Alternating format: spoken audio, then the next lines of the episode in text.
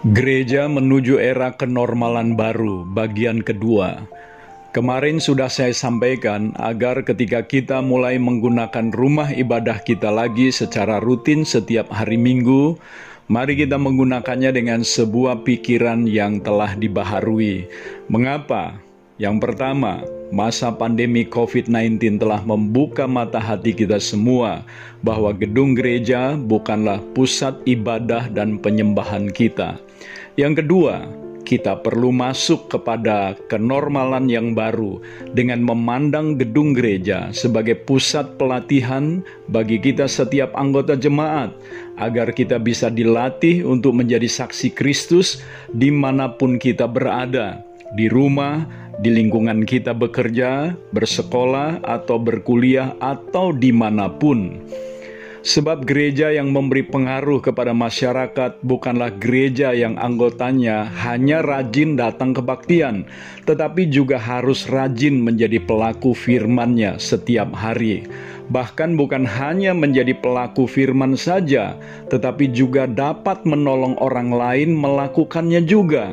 Karena itu, setiap anggota jemaat perlu diperlengkapi untuk melakukan pekerjaan pelayanan bagi pembangunan tubuh Kristus.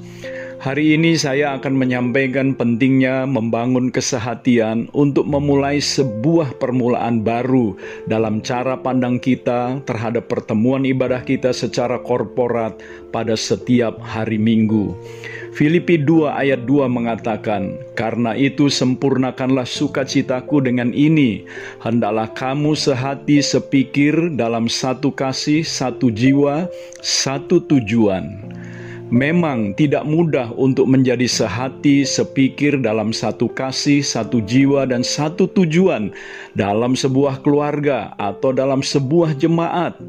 Terkadang lebih baik tidak bersekutu supaya jangan ada pertengkaran di antara saudara atau keluarga, seperti yang terjadi di dalam kisah Abraham dan Lot.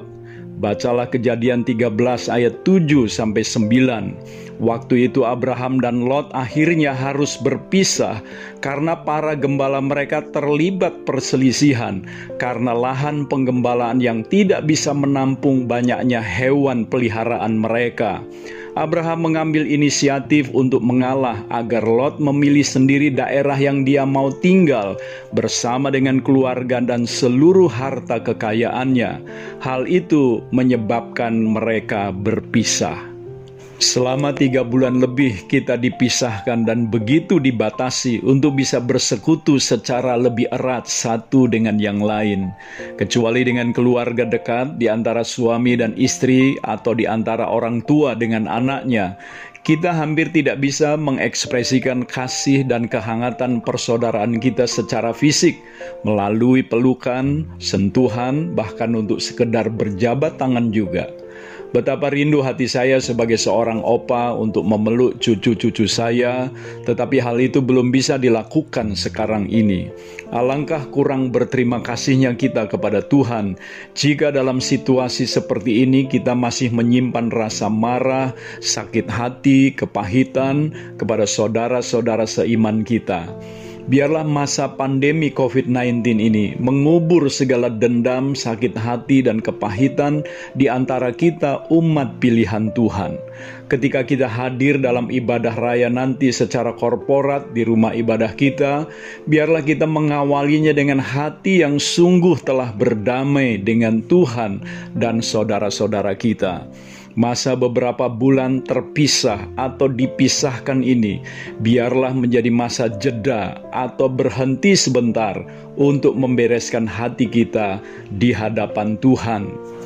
Kembali kepada Filipi 2 ayat 2 tadi, sekalipun kadang lebih baik tidak berhimpun untuk menjaga agar jangan terjadi perselisihan, namun kehendak Tuhan adalah supaya kita bersekutu dengan sehati sepikir dalam satu kasih, satu jiwa, satu tujuan.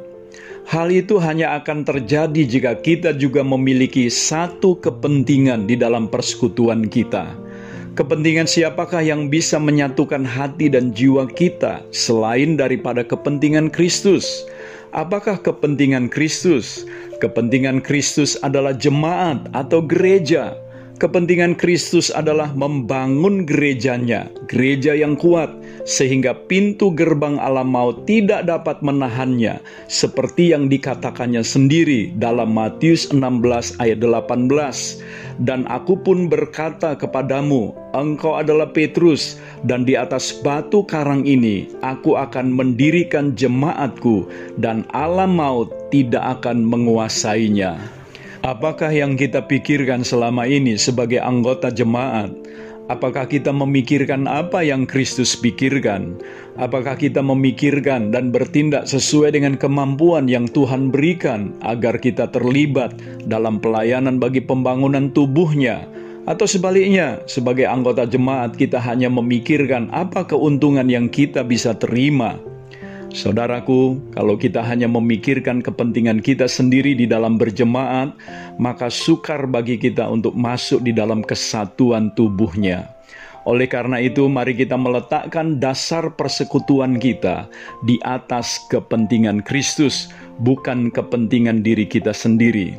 Berilah diri kita diperlengkapi untuk melakukan pekerjaan pelayanan bagi pembangunan tubuhnya, sebab itulah kepentingan Kristus.